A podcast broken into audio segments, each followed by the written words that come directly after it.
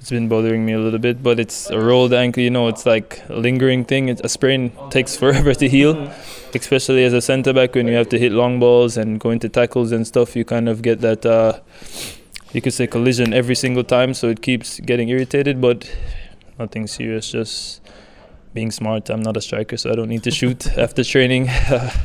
yeah, so just try to get as much rest as possible uh, on the ankle for the game on the weekend. Yeah, you you consider yourself ready?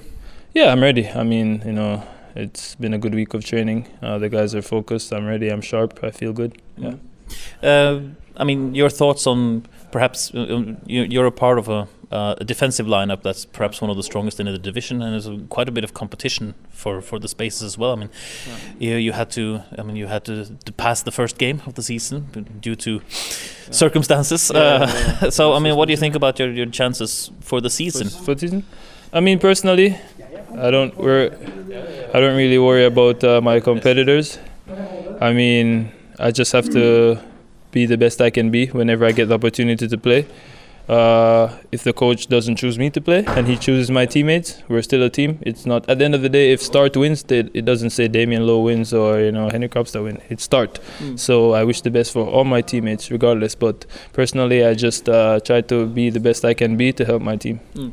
And you, you you made yourself uh, very popular among the fans. You know, after the relegation and everything, and you said, "No, this, this is this is the play. This is where I work. This is where I play. Yeah. This is the club I want to perform." I mean uh, I mean, what do you think about when you when you hear? I mean, I, I read what fans write. I don't know what about you on in social media and stuff yeah, like that. I don't know how close you are on, on, on that situation. I mean, how much attention uh, you pay to it. But I mean, I mean, the fans seem to appreciate your comments on, on these things. And I mean, the fan support does that mean something to you when you're here? I mean, the fan support means a lot. You know, especially to the team. You know. Uh, if the players know the fans have their back, I always call them the 12th man. You know, it goes a long way. Even if we're down 3 0 and the fans are have our back, we can tie the game 3 3, we can t- win the game 4 3. That's so massive uh, of a role the fans are, you know, and uh, I appreciate it. Uh, it's the facts, you know, at the end of the day, I'm a star player, I'm contracted here.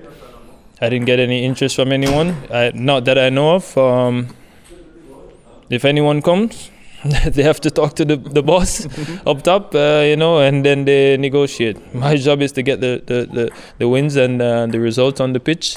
I don't really focus on off the off the field stuff and the administrative stuff that much. Um, if their time comes where basically yeah negotiation blah blah blah, you know, a player has to be involved, but. My, I'm a footballer and uh, I have to focus on that side. That's why we have agents and managers to, mm. to take care of that. Yeah. Mm.